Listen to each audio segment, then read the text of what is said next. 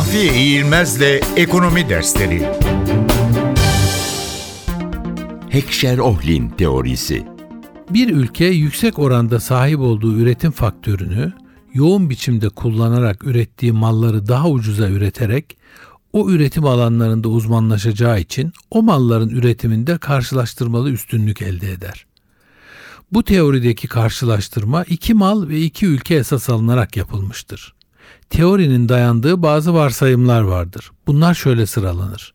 1.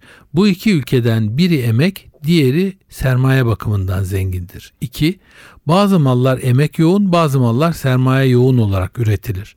3. Bir malın üretim fonksiyonu bütün ülkelerde aynıdır. 4. Üretimde ölçeğe göre sabit verim koşulları geçerlidir.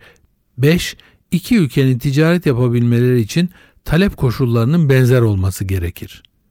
Teorinin geçerli olabilmesi için ucuzlayan faktörün pahalılaşan faktörün yerine ikame edilmesi sonucunda emek yoğun malın sermaye yoğun mal ya da sermaye yoğun malın emek yoğun mal durumuna gelmemesi gerekir.